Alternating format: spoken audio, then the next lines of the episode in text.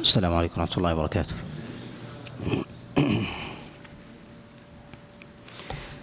الحمد لله رب العالمين وصلى الله وسلم وبارك على نبينا محمد وعلى آله وأصحابه ومن تبعهم بإحسان إلى يوم الدين. أما بعد ففي هذا المجلس في السابع والعشرين من شهر ذي الحجة من العام الخامس والثلاثين بعد الأربعمائة والألف نكمل آه، شيئا مما تبقى من آيات الأحكام من سورة من سورة النساء. ونتكلم بإذن الله عز وجل في هذا المجلس على قول الله جل وعلا وإذا جاءهم أمر من الأمن أو الخوف يداعوا به. وهذه الآية إنما نزلت في المنافقين كما هو ظاهر هذا السياق. والمراد بذلك أن الله سبحانه وتعالى أمر بإرجاع ما يتعلق بأمر الأمة العام إلى أهل المعرفة والدراية والخبرة.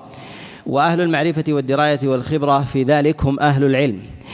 أهل العلم بالدليل وأهل العلم بالتعليل وأهل العلم بالحوادث والنوازل فإنهم يدركون الحال ويدركون المآل ويدركون ويعرفون ما تؤول إليه الحوادث. فإن الأمور إذا تعلقت بأمر العامة ولم يكن متعلقا بأمر فرد فإن ذلك يرجع فيه إلى إلى أهل الأمر والولاية إلى أهل الأمر والولاية. في هذه الآية أن الله سبحانه وتعالى أمر بإرجاع ما يتعلق بأمر الأمة العام إلى إلى أولي الأمر. وفي هذا بدلالة التضمين ودلالة الخطاب أن ما كان متعلقا بأمر الفرد في ذاته أن أن مرده إليه أن مرده مرده إليه. ولكن ما يكون بأمر الأمة العام يرجع فيه إلى أهل إلى أهل العلم. والآية إنما نزلت في المنافقين لأن حظهم في ذلك ما يتعلق بأنفسهم لا يعنيهم أمر الأمة لا يعنيهم أمر الأمة. ولهذا لما ذكر الله سبحانه وتعالى أول أوصافهم يقول الله جل وعلا ويقولون طاعة فإذا برزوا من عندك بيت طائفة منهم. يعني بيتوا غير ما كانوا يقولون عندك فيطيعونك في ظاهر أمرك فإذا غبت عنهم أظهروا خلاف خلاف ذلك. فهؤلاء هم الذين الذين نافقوا رسول الله صلى الله عليه وسلم. وهذا في حق النبي وورثة النبي وكذلك أيضا في حق في حق الحاكم والسلطان في حق الحاكم في حق الحاكم والسلطان. حق الحاكم والسلطان مناصحته وإظهار أمره وعدم القول أمامه امرا لا يقولونه أو يقولون يقولون خلافه من ورائه. ولهذا كان الصحابة عليهم رضوان الله تعالى يعدون ذلك من النفاق. كما جاء في حديث عبد الله بن عمر وغيره لما سئل آه، عمن يقول شيئا عند السلطان ويقولون خلافه إن, إن لم يكونوا أمامه. قال كنا نعد ذلك على عهد رسول الله صلى الله عليه وسلم من النفاق. يعني لا بد أن يكون العالم والناصح واضحا حتى أمام السلطان. أمام السلطان فلا يمدحه في وجهه ثم يقول بخلاف ذلك في سره وإنما يريه صورته على وجه الحقيقة يريه صورة على وجه على وجه الحقيقة فلا يبقى في قلبه شيء في سره ولا في علانيته من جهة من جهة أمره وبهذا تختل إذا كان خلاف ذلك تختل الموازين تختل الموازين.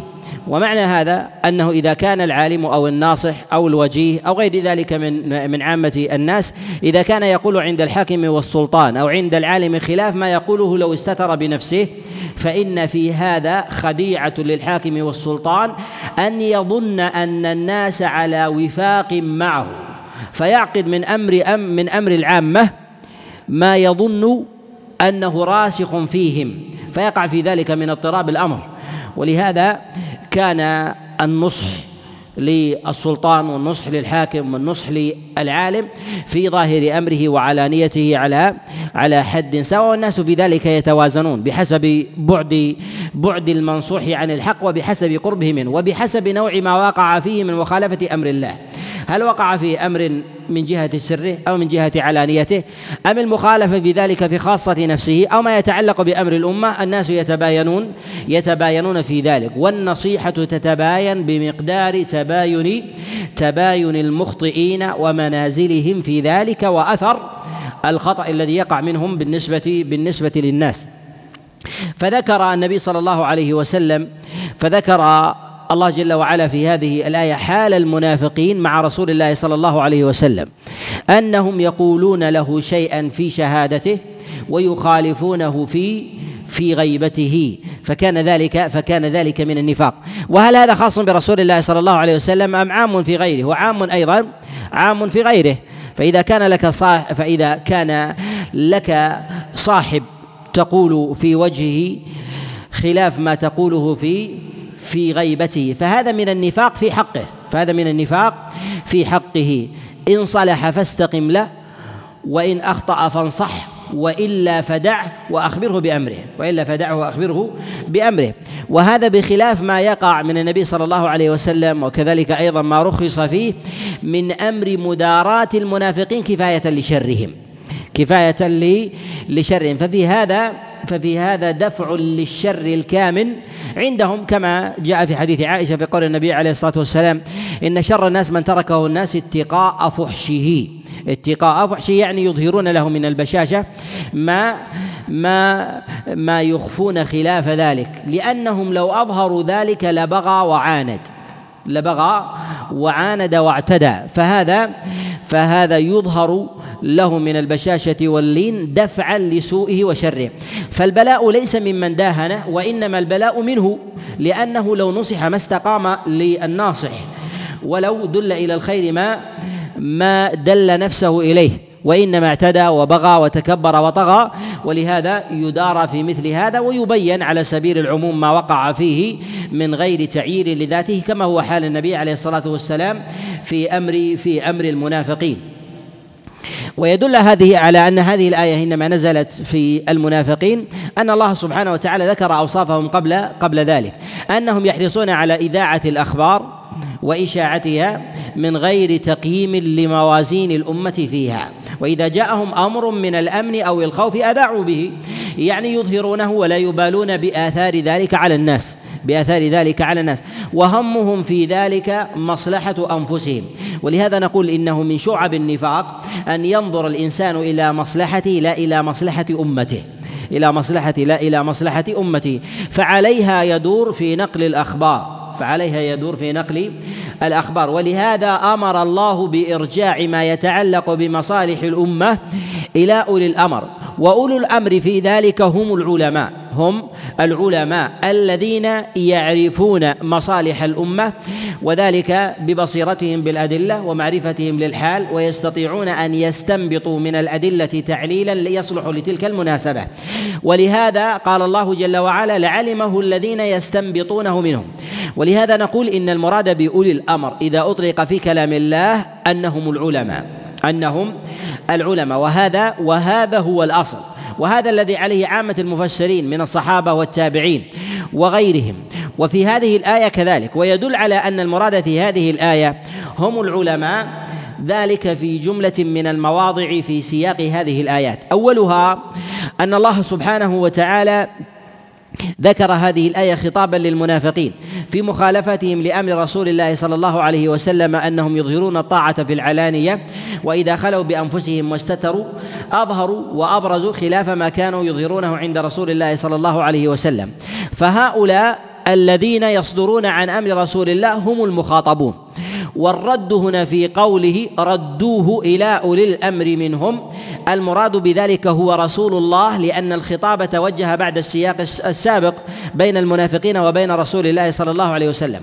ويدخل في ذلك في ذلك أتباع النبي صلى الله عليه وسلم من ورثة ورثة الأنبياء وهم العلماء كما جاء في الخبر العلماء ورثة ورثة الأنبياء. ولهذا جاء الخطاب بالجمع هنا لأنه لأن الخطاب يتوجه للنبي وغيره. يتوجه الخطاب للنبي للنبي وغيره. الموضع الثاني في ذلك أن الله سبحانه وتعالى قال لعلمه الذين يستنبطونه منهم. ولا يستنبط إلا عالم. فإن الجاهل لا يملك علما حتى يستنبط منه. والمراد بالاستنباط في لغة العرب هو إخراج الشيء كإخراج الدلو من البئر بالماء. فإن الإنسان يستنبط من الأدلة التي عنده من الوحيين ومعرفته للواقع والحال ما يناسب النازلة التي تمر به. لهذا قال لعلمه الذين يستنبطونه يستنبطونه منهم. وهؤلاء هم العلماء وهؤلاء هم العلماء.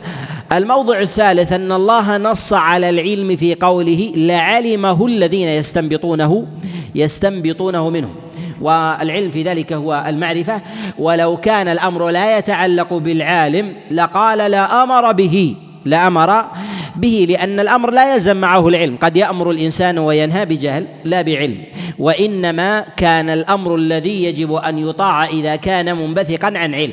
لهذا قال لعلمه الذين يستنبطونه منه ولو كان الأمر يتوجه إلى السلطان المجرد بعلم أو بجهل لقال لا أمر به سواء كان ذلك بعلم أو بغير علم. ولهذا هذا قد يحمل على قول بعض السلف أن المراد بهذا هو أدق من هذين المعنيين التي تكلم عليها المفسرون لا السلطان المجرد عن العلم ولا العالم المجرد عن المجرد عن السلطان وإنما العالم العالم صاحب السلطان. صاحب السلطان الذي يكون له له الأمر. وإذا لم يكن ثمة عالم له سلطان فعالم ولو لم يكن سلطان. فعالم ولو لم يكن سلطان فإن أمره فإن أمره عن علم. فإن أمره عن عن علم وهذا الذي أمر الله عز وجل بذلك. والموضع الرابع في ذلك في قول الله سبحانه وتعالى هنا بعدما ذكر حال المنافقين قال الله جل وعلا ولولا فضل الله عليكم ورحمته لاتبعتم الشيطان إلا قليلا. ذكر الله فضله ورحمته واتباع الشيطان ولا يمكن هذا أن يكون إلا لعالم إلا إلا من علم. لا يكون هذا إلا إلا عن علم. فإن الأمر من غير علم ليس رحمة ليس ليس رحمة. وإنما الرحمة ما كان عن علم بما يؤمر به وما ينهى عنه. ولهذا ذكر الشيطان لأن العلم المجرد من غير الوحي قد يخالف أمر الله ويسلك به الإنسان سبيل الشيطان. ويسلك به الإنسان سبيل الشيطان ولو تصوره علم ولو تصوره علم. ولهذا نسب الرحمة إليه. ولولا فضل الله ورحمته لاتبعتم الشيطان إلا إلا قليلا والمراد بالقليل في ذلك هم أهل الإيمان وقيل هم أصحاب محمد صلى الله عليه وسلم. قد جاء عن علي بن أبي طالب عن عبد الله بن عباس المراد بالقليل هم أهل الإيمان. المراد بهم هم أهل أهل الإيمان. والمراد بإحالة أمر العامة من جهة الأخبار الواردة التي ترد إلى إلى الناس.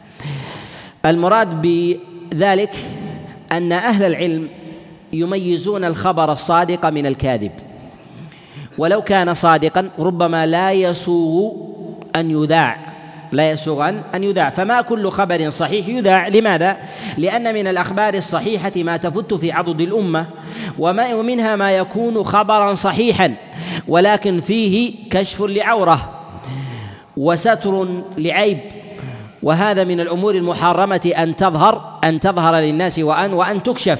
ولهذا ولهذا يجب أن يكون أمر الأمة العام حتى ما يتعلق بإذاعة الأخبار إنما هو للعارفين بها والعلم في ذلك يتجزأ. منهم من هو عالم بالسياسة ومنهم من هو عالم بالاقتصاد ومنهم من هو عالم بالحرب والجهاد ومنهم من هو عالم ما يتعلق بأمر العبادة ومنهم من هو عالم عارف فيما يتعلق بشأن الناس في أمره منهم من هو عالم بأمر الطب والأوبئة والأمراض. فإذاعة مرض قد يكون منتشر في الناس ربما يورث فيهم هلعا. يورث فيهم هلعا وخوفا ويعطلهم عن مصالحهم. فإذا استتر ذلك الأمر عنهم وأجري فيه لعدم قدرتهم عن الاحتراز منه فيأتي إليهم ويمضي عنهم بقدر الله ولا يملكون من ذلك حيلة وعدم إذاعته أولى. بخلاف إذاعة شيء ما يمكن أن يحترز منه. فأهل العلم والمعرفة يدركون من الأخبار ما يذاع وما يستر. وأما من لا من لا يهتم لأمر الأمة فهمه في ذلك في ذلك مصلحته. فإذا كانت المصلحة مالية فإذا حفظ ماله لا يعنيه من الأخبار المؤثرة على أموال الناس. وإذا كان الذي يعنيه تعنيه نفسه ودمه وأهله واحترز لأهله ولدمه ولنفسه فما يعنيه من الأخبار ما أثر على دماء الناس وأهليهم وأعراضهم. وهكذا في كل باب من الأبواب.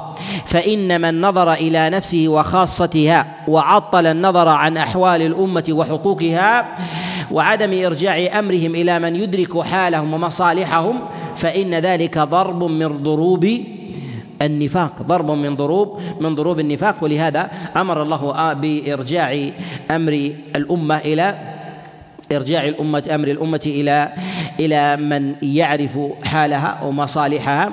وكذلك أيضا فإن في قول الله عز وجل أولي الأمر منهم إشارة إلى أن أن المراد بأولي الأمر هو الحاكم المسلم الحاكم المسلم ولهذا قال منهم أولي الأمر منهم لعلمه الذين يستنبطونه منهم وهنا نقول إن الحاكم غير المسلم لا يكون مخاطبا في هذه الآية لا يكون مخاطبا في هذه الآية.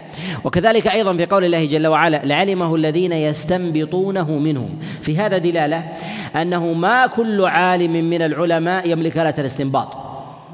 في كل موضع ودليل في كل موضع ودليل. ولهذا قال أولي الأمر منهم وهنا ذكر من أولي الأمر يعني السلطان والعلم من عموم المؤمنين ثم ذكر أهل الاستنباط من أهل العلم فهو استثناء من استثناء. أولي الأمر منهم لعلمه الذين يستنبطونه منهم يعني من العلماء فما كل عالم من العلماء يستطيع أن يستنبط من الأدلة حكما لكل نازلة. حكما لكل لكل نازلة. وإنما يرجع في ذلك إلى أهل أهل السعة في المعرفة والبصيرة بالدليل والتعليل والقدرة على الاستنباط ومعرفة الواقع والحال. ولهذا لا بد في أمور الأمة في العالم الذي يتصدر لها وأن ينزل الأحكام عليها أن يكون عالما أن يكون عالما بأمور. أولها أن يكون عالما بالدليل. أن يكون عالما بالدليل. الأمر الثاني أن يكون عالما بالنازلة المتعلقة بالدليل. الثالث أن يكون عالما بالتعليل. الرابط بين الدليل والنازلة. الرابط بين الدليل بالدليل والنازلة حتى يضع الأمر في في موضعه. يضع الأمر في في موضعه. فربما كان في نوع من الوضع قوة ويحتاج إلى توسط. وربما كان في الوضع توسط ويحتاج إلى قوة. وربما كان في الوضع توسط ويحتاج إلى إلى لين. وربما كان في الوضع لين ويحتاج إلى توسط وقوة وهكذا. وهذا يحتاج إلى معرفة معرفة الحال معرفة تامة ومعرفة للدليل معرفة تامة ومعرفة للتعليل. وذلك بمناسبة الدليل للنازلة مناسبة الدليل للنازلة حتى يضعها. والأخطاء التي تقع من أهل العلم في النوازل إما إما قصور بالأدلة أو قصور بمعرفة النازلة وإما قصور في في التعليل في التعليل فربما استدل بدليل غيره أولى منه وهو أقرب. فلم يكن محيطا بالأدلة ولو كان محيطا بالأدلة لم يكن عارفا بالتعليل المناسب للنازلة حتى يضعه في موضعه. فلا بد من البصيرة البصيرة في هذا. وفي هذا أيضا في هذه الآية دليل على أن علم الأخبار وتنقيتها ومعرفة الصحيح والضعيف منها ومعرفة الجرح والتعديل وأحوال الرجال فضل من الله ورحمة فضل من الله ورحمة.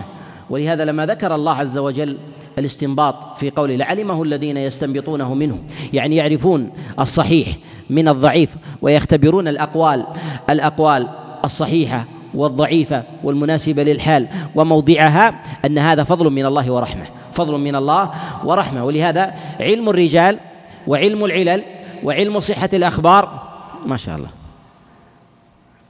أخرجوا الهرة. هذا هرة ولا كلب؟ هرة. خذي أحسنت. جزاك الله.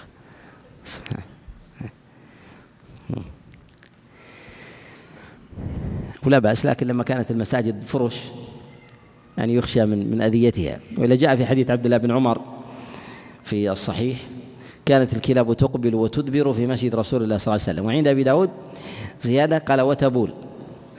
ولكن كانت تراب تضربه الشمس أو الريح ولكن الآن الآن فرش وبسط ربما يتأذى يتأذى المساجد.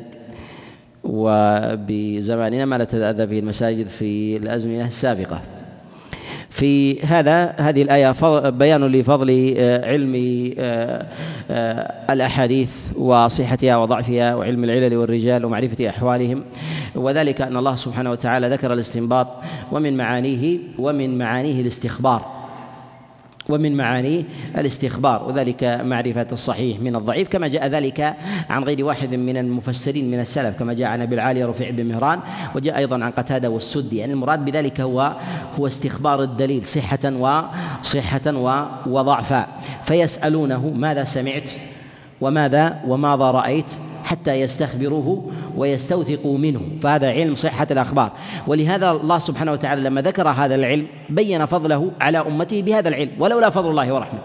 فبين أن هذا الفضل الذي أنزله على هذه الأمة بالوحي ومنه هذا العلم. ومنه هذا العلم لاتبعتم الشيطان إلا إلا قليلا. وفيه أن الأمة تظل ب أخذها للأخبار من غير من غير روية وإذاعتها للأخبار من غير روية ولو كانت ولو كانت ولو كانت صحيحة. ولهذا جاء النبي عليه الصلاة والسلام كما جاء في حديث أبي هريرة قال كفى بالمرء إثما أن يحدث بكل بكل ما سمع كل ما جاءه من أخبار قام بإذاعتها. وهذه وهذه فتنة.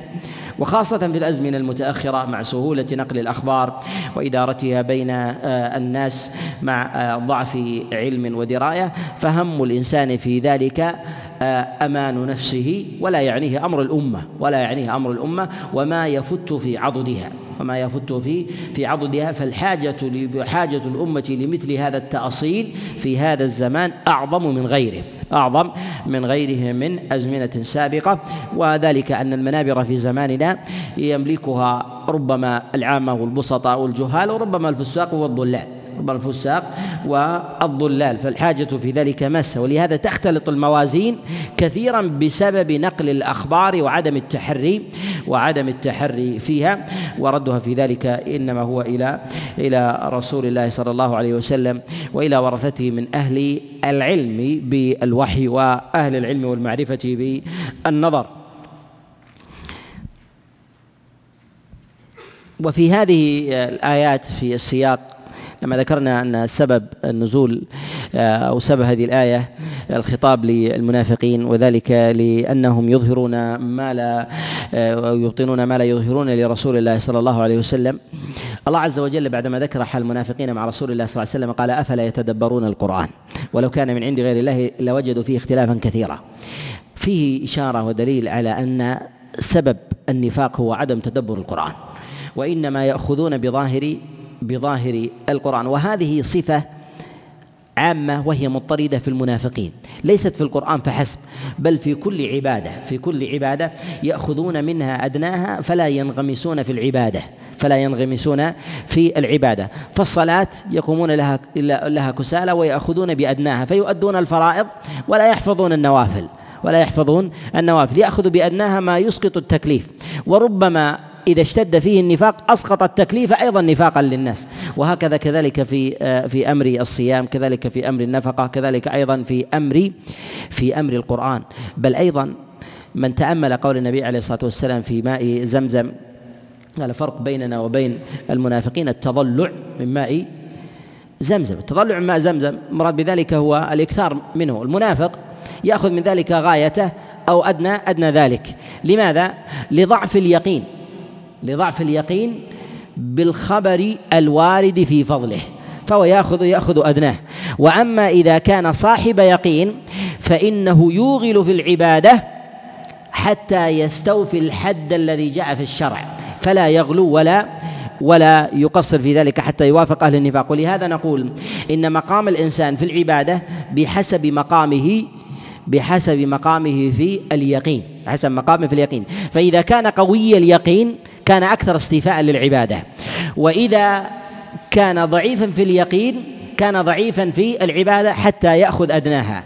فإذا انعدم اليقين انعدمت العبادة. فإذا انعدم اليقين انعدمت انعدمت العبادة وضعف الإنسان في ذلك فيبقى الإيمان في قلب الإنسان والعمل كالمد والجزر. كالمد والجزر. إذا كان ثمة مد الجوارح امتدت إلى العمل. فإذا كان في ذلك اليقين في جزر فإن العمل أيضا الجوارح تضعف في ذلك فلا يؤدي الإنسان العمل على ما أمره الله سبحانه وتعالى ويضعف في ذلك. ولهذا ذكر الله سبحانه وتعالى حال النفاق والمنافقين. وحينما ذكر الله حال النفاق أشار إلى سبب من أسباب من أسباب ورود النفاق عندهم. أفلا يتدبرون القرآن؟ يعني يأخذون القرآن من ظاهره حروفا لا يتأملون في علله ولا في أحكامه ولا كذلك أيضا في إحكامه من جهة أدلته ومآلاته ومصالح الناس لما ينزل الله عز وجل فيه من أحكام وعبر وعبر فيه وإنما يأخذون منها ظاهرها. وإنما يأخذون منها من آيات الله ظاهرة. يأخذون يأخذون الحروف. يأخذون آه، الحروف ولا يعرفون من ذلك من جهة الحدود. وذلك لأن الإنسان يستأثر بلذة قلبه لنفسه. يستأثر بلذة قلبه قلبه لنفسه فيريد أن يمتع جوارحه وبصره وسمعه آه، وغير ذلك من من متع الدنيا وأسبابها ومنافذها إلى إلى روحه. ولا يأخذ من القرآن ما يعطل عاجلة منفعته عاجلة منفعته. كذلك أيضا فيه إشارة لما ذكر الله سبحانه وتعالى هنا تدبر القرآن قال ولو كان من عند غير الله لوجدوا فيه اختلافا كثيرا. يعني أن مما مما يعتقد الإنسان أن في القرآن تضاد وتعارض هو بسبب عدم تدبره للقرآن. ولو كان من أهل التدبر والتأمل لانتفى لديه الاختلاف. ولكنه يأخذ الآيات على ظاهرها على ظاهرها فيتوهم تعارضا في ذهنه. لا وجود له من جهة الحقيقة.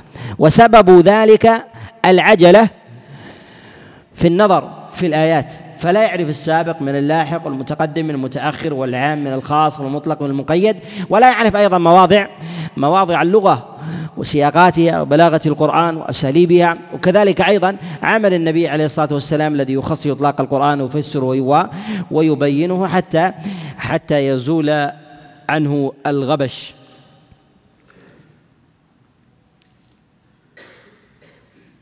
الآية الثانية في ذلك في قول الله عز وجل فقاتل في سبيل الله لا تكلف إلا إلا نفسك وحرض المؤمنين. لما ذكر الله سبحانه وتعالى ما يتعلق بأمر المنافقين ذكر الله سبحانه وتعالى ما يتعلق بأمر القتال القتال في سبيل الله. تقدم معنا أنه لا يكاد يذكر القتال إلا ويقترن معه ذكر النفاق أو ذكر المنافقين. إما على سبيل التصريح أو على سبيل التلميح. وذلك أن أشد خصوم الجهاد هم المنافقون. هم المنافقون. وهذا شبيه بالاضطراد في القرآن. شبيه بالاضطراد في القرآن. فإذا وجدت آية من مواضع الجهاد فالتمس تصريحا أو تلميحا للنفاق والمنافقين قبلها أو بعدها أو في أثنائها. أو في في أثنائها. فذكر الله سبحانه وتعالى هنا أمر المقاتلة والخطاب أيضا لرسول الله صلى الله عليه وسلم فقاتل في سبيل الله لا تكلف إلا إلا نفسك. الخطاب هنا للنبي عليه الصلاة والسلام وفيه إشارة أن الإنسان مرهون بعمله فيأتي بما كلفه الله عز وجل به ولا يعنيه غيره من الناس. ولو قصروا في امتثال أمر الله سبحانه وتعالى فعليه أن يأتي بأمر الله بما استطاع. بما بما استطاعوا. وإن قصروا ألا يقصرا وفي هذا إشارة إلى نهي الله سبحانه وتعالى أن يكون الإنسان مقلدا وأن يكون مع الجماعة ولو كان على الشر. بل الجماعة ما كان على الحق ولو كان الإنسان منفردا أو كان أو كان وحده. ولهذا أمر الله عز وجل نبيه عليه الصلاة والسلام باتباع الحق والعمل به ولو كان ولو كان وحده. قال لا تكلف إلا نفسك يعني أنت المخاطب وعنها تسأل لا تسأل عن أعمال الآخرين وإنما تسأل عن البلاغ. إنما تسأل عن البلاغ لقيام البلاغ في نفسك. فإنك قادر على على البلاغ. فإن بلغ فحينئذ أدى ما عليه. ولهذا الله عز وجل يقول في كتابه العظيم وما على الرسول إلا إلا البلاغ. عليه البلاغ. وأما الاتباع والانقياد والهداية الذي هداية الذي هداية التوفيق وهداية الإلهام فإنما هي هي من الله سبحانه سبحانه وتعالى. هذا إذا كان في رسول الله صلى الله عليه وسلم فإنه في غيره من باب أولى ممن يقود الأمة أو يوجهها من عالم أو ناصح أو آمر أو مصلح. ممن يوجهون الناس ويرشدونهم فإذا لم يتبعهم الناس لا ينساق إلى إلى ما عليه عليه الناس بل يثبت على الحق حتى يقضي الله أمره حتى يقضي الله في ذلك في ذلك أمره فيكون على الحق ولو كان ولو كان وحده. وقول الله جل وعلا وحرض المؤمنين المراد بالتحريض المراد بذلك هو عظهم. كما جاء ذلك عن غير واحد من المفسرين من السلف وحرض المؤمنين يعني وعظهم. وقيل احضضهم يعني حثهم على امتثال أمر الله سبحانه وتعالى وهذا هو الذي عليك. وفي هذا إشارة إلى أن الله سبحانه وتعالى إنما أمر نبيه عليه الصلاة والسلام واقتصر عليه بالبلاغ. وأما الفعل فجعله فجعل التكليف في ذلك من الإنسان لنفسه. ولهذا قال فقاتل في سبيل الله لا تكلف إلا إلا نفسك. ثم قال حرض المؤمنين تكليف العمل على الإنسان. وأما البلاغ الذي يوصله إلى الناس فهذا للنبي عليه الصلاة والسلام. أما جذب قلوبهم فهو لله سبحانه وتعالى. وأما إسماعهم فيملكه رسول الله صلى الله عليه وسلم. ولهذا الله عز وجل يقول وإن أحد من المشركين استجارك فأجره حتى يسمع كلام الله. وهنا في قوله وحرض المؤمنين. خطاب الأول للمشركين وهذا للمؤمنين يعني تملك إسماعهم وتبليغهم الحق ولكن لا تملك قلوبهم لينقادوا إليك لينقادوا إليك. فجعل الخطاب المتعدي في ذلك البلاغ والخطاب اللازم وهو العمل خاص برسول الله صلى الله عليه وسلم. فقاتل في سبيل الله لا تكلف إلا إلا نفسك وحرض المؤمنين. يعني ما يجب عليك في ذلك هو تحريضهم إلى امتثال أمر الله سبحانه وتعالى. وأما انقياد قلوبهم وجوارحهم فهو فهو إلى الله سبحانه وتعالى. قال عسى الله أن يكف بأس الذين كفروا. عسى وعد من الله. ولا يخلف الله الميعاد. وعسى في القرآن على التحقيق. فإذا كانت من الله واجبة جعلها الله وعدا. وقد روى علي بن أبي طلحة عن عبد الله بن عباس أنه قال عسى من الله واجبة. عسى من الله واجبة. يعني أن الله لا بد أن يكف بأس الذين كفروا. لا بد أن يكف الله بأس الذين كفروا. ولكن القصور في الذين آمنوا إذا عطلوا أمر الله. وقصروا بامتثال أمره ظاهرا وباطنا. حينئذ تكون النتيجة بمقدار الأخذ بالأسباب. فإذا عظم فإذا عظم الأخذ بالأسباب وامتثال أمر الله نصر الله نصر الله سبحانه وتعالى عبده ومكن ومكن له. والخطاب هنا على ما تقدم أنه للنبي عليه الصلاة والسلام والخطاب في أبواب النصر والتمكين للنبي يختلف عن أمته لأن الله وعد نبيه عينا بالنصر وما وعد أحدا من أعيان الأمة بنصر. فالأمة منصورة بالجماعة بجماعتها وطائفة منها أما النبي فمنصور بذاته فمنصور بذاته. ولهذا قال الله جل وعلا النبي عليه الصلاة والسلام إلا تنصروه فقد نصره الله. يعني حتى لو لم تنصروه فالله يذهبكم جميعا وينصر نبيه. وأما أنتم فتنصرون جماعة لا بالأفراد. ولهذا من سلك طريق النبي فلا ينتصر فلا ينتظر النصر بعينه. فلا ينتظر النصر النصر بعينه. فربما كان في أول الطريق هلاكه.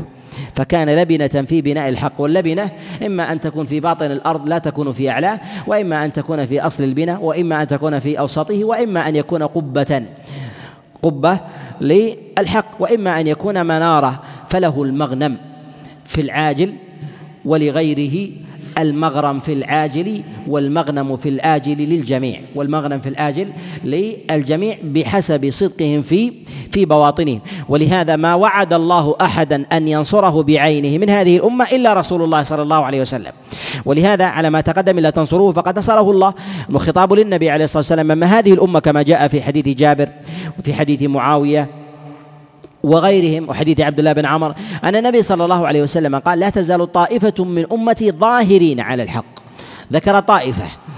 طائفة ربما منهم من يهلك في أول الطريق ومنهم من يهلك في أوسطه ولكن لا بد من وصولهم وربما يصل أقوام ما سلكوا أول الطريق. وإنما ولدوا في آخره. وما أدركوا شيئا من المشاق في أوله. ولهذا يوجد من الخلص والكمل من أصحاب رسول الله صلى الله عليه وسلم من مات في أول الطريق وهو أفضل ممن شهد التمكين بعد بعدهم. كحال خديجة ما شهدت تمكين رسول الله صلى الله عليه وسلم؟ ومنهم من شهد بعض التمكين وما شهده وما شهده كله وما شهد أكثر. كحمزة بن عبد المطلب. وهؤلاء من السابقين الأولين وهؤلاء من السابقين الأولين.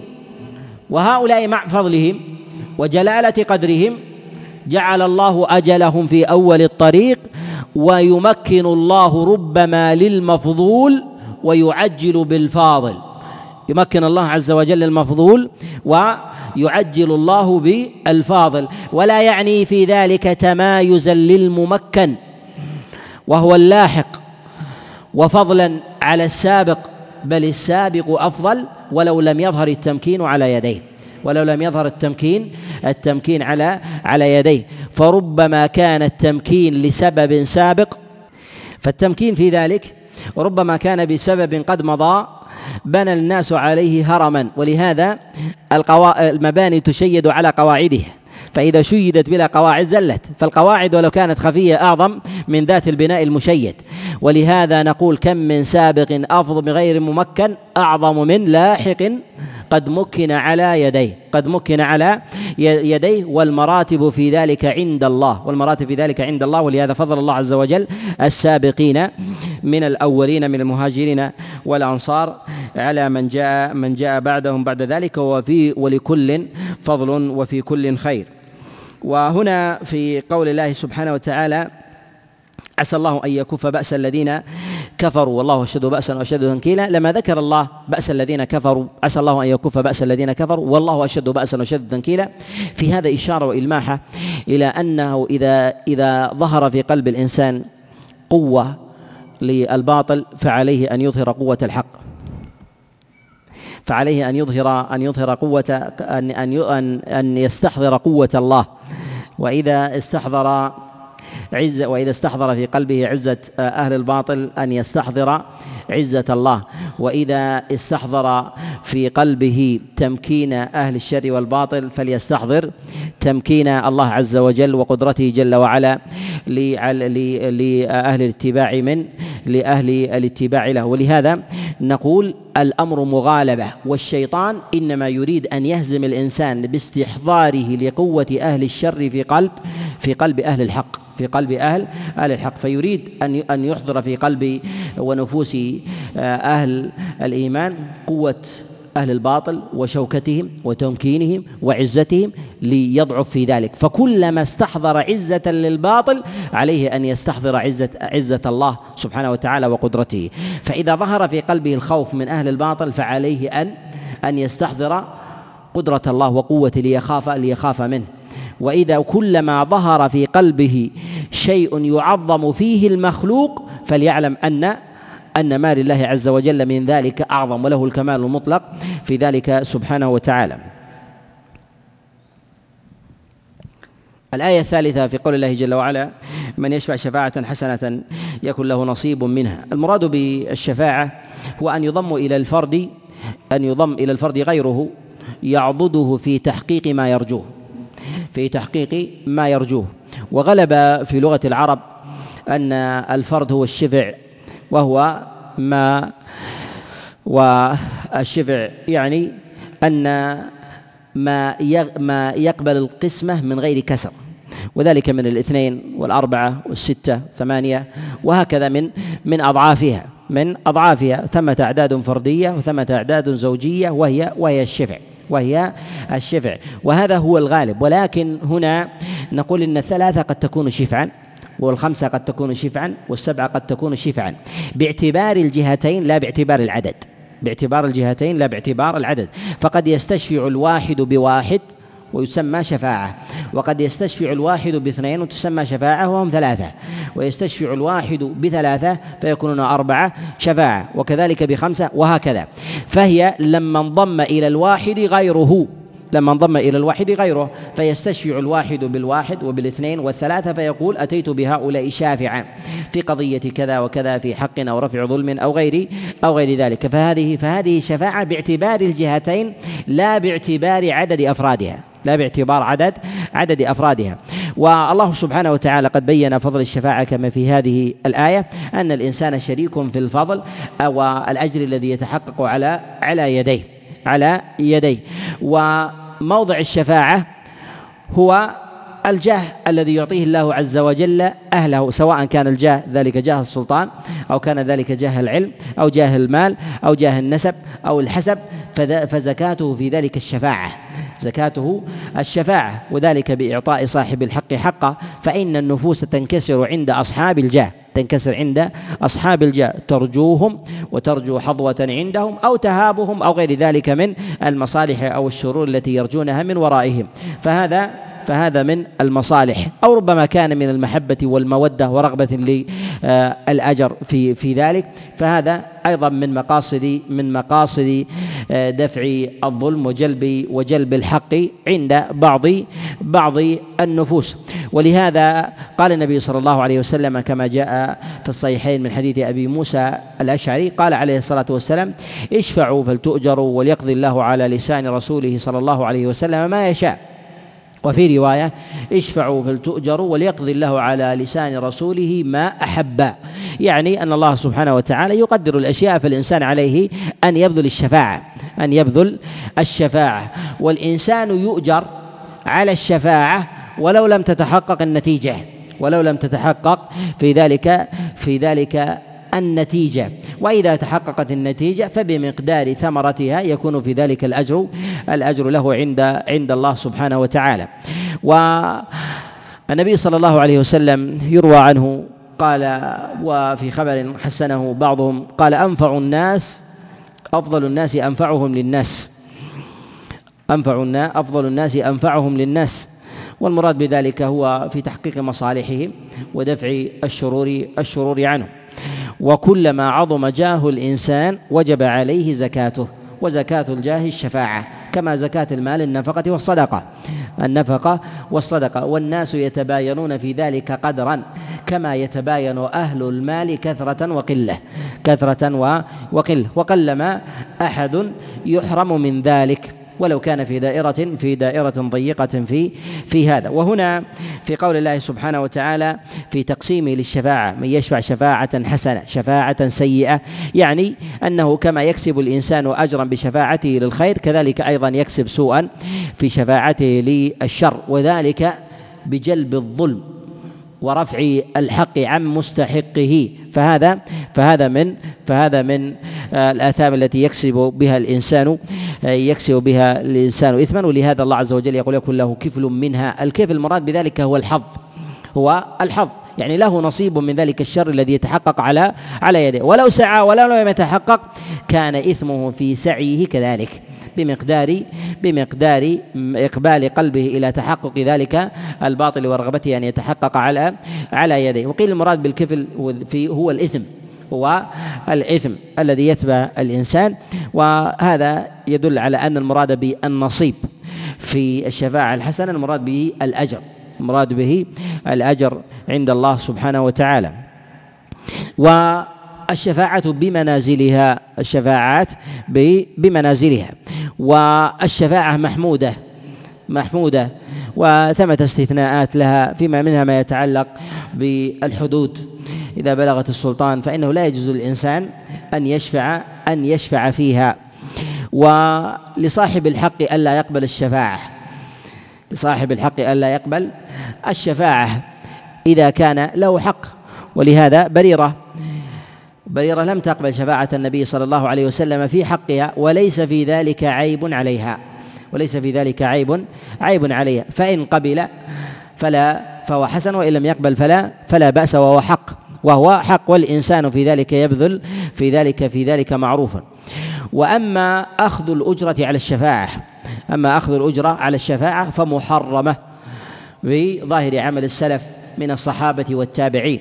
وقد جاء في حديث في حديث أبي أمامة عند أبي داود وغيره قال عليه الصلاة والسلام من شفع شفاعة فأهديت له هدية فقد أتى بابا من أبواب الربا. وهذا الحديث منهم من حسنه ومنهم من أعله بالقاسم بن عبد الرحمن.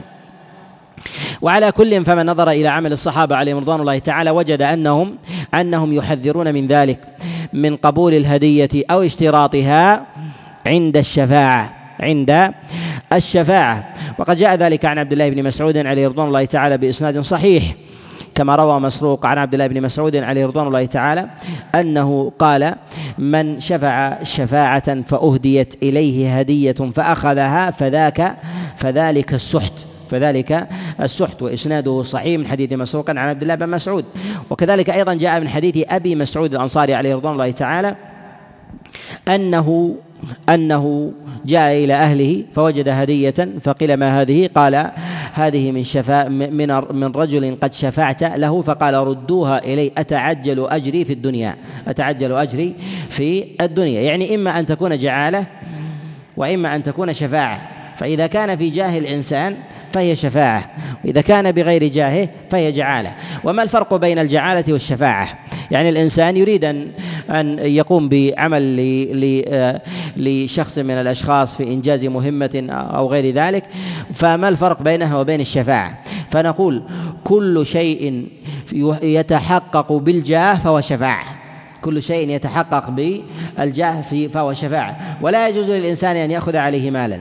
وكل شيء يتحقق بالسعي يتحقق بالسعي. فمن سعى فيه تحقق ولو لم يكن صاحب جاه. فتلك جعالة فتلك جعالة. وذلك بالأجور التي يسعى فيها الإنسان. وذلك مثلا باستئجار الرواحل في حملها ونقلها أو كذلك أيضا بالبريد في الاتيان به والذهاب به. كذلك أيضا آه، في آه، إنجاز ما يسمى مثلا بالمعاملات والأوراق المعتاد المعتاد القيام بها وغير ذلك. كذلك أيضا في المرافعات والمدافعات في المحاماة ونحو ذلك. فتلك فتلك تدخل في دائرة الجعالة في دائرة الجعالة. ما لم يكن للجاه أثر فإذا كان للجاه أثر فإن ذاك حظ جعله الله في الإنسان ليس له أن يأخذ عليه مالا. فإذا أخذ عليه مالا فذلك السحت. فذلك فذلك السحت. كالعالم يسعى في الشفاعة لأحد ثم يأخذ على ذلك مالا فأخذه المال سحت. فأخذه المال سحت. لأنه لو سعى غيره بغير علم ما تحقق له ما تحقق له ذلك. والجاه الذي يأتي الإنسان مثلا بحسبه أو بنسبه فهذا من الله فهذا من من الله. فلا يجوز للإنسان أن يأخذ عليه مالا عند الشفاعة لأحد فيسعى فيسعى لأحد لسلطانه أو لجاهه أو لنسبه أو لعلمه أو غير ذلك من الأمور التي هي حظوة عند الناس. فيجب عليه أن يرفع الباطل وأن يجلب الحق بلا أجرة لأنه لو سعى غيره من الناس ما قبل منه. فلما امتاز عن غيرهم لشيء خصه الله به حرم عليه أن يأخذه. وهذا هو الفرق بين الجعالة وبين وبين الشفاعة بين الجعالة وبين وبين الشفاعة. ولكن إذا قال قائل أن أن فلان لا يشفع لي إلا إذا أخذ إذا أخذ ماله. فهل له أن يجلب حقه وأن يدفع الظلم عن نفسه؟ ولو دفع مالا؟ نعم. نعم له ذلك. ولهذا جاء رسول الله صلى الله عليه وسلم قال إني لأعطي أقواما مالا يتأبطونها نارا. قالوا يا رسول الله لم تعطيهم قال يأبون إلا سؤالها ويأبى الله علي البخل. ويأبى الله علي علي البخل. وهذا قد يجوز من الإنسان الدفع. ويحرم على القابض القبض. وهذا وارد في الشريعة. كحال الإنسان الذي يريد أن يستعمل مباحا لكنه لا يجده لا يجده إلا بيعا وبيعه محرم كبيع الكلب. فأذن الله في كلب الصيد كلب الماشية كلب الزراعة كلب الحراسة ولكنه لم يجده إلا بيعا فأراده هبة أو أراده من أي موضع فلم يجده إلا بمال جاز له أن يدفع وحرم على القابض أن يقبض. حرم على القابض أن أن يقبض. كذلك دفع الظلم. إذا قال الإنسان ادفعوا عني الظلم فلم يدفع إلا بمال دفع. وقد دفع أصحاب رسول الله صلى الله عليه وسلم مالا كما صح ذلك عن عبد الله بن مسعود في الحبشة. وهذا يكون من الإنسان في دفع في دفع الظلم عن نفسه وجلب الحق وجلب الحق الحق له. وأما الشفاعة الحسنة فهي ما يحق الحق ويدفع الباطل. ما يحق الحق ويدفع الباطل. والمراد بالحق هو الحق العام والخاص وليس المراد بذلك هو الحق الخاص.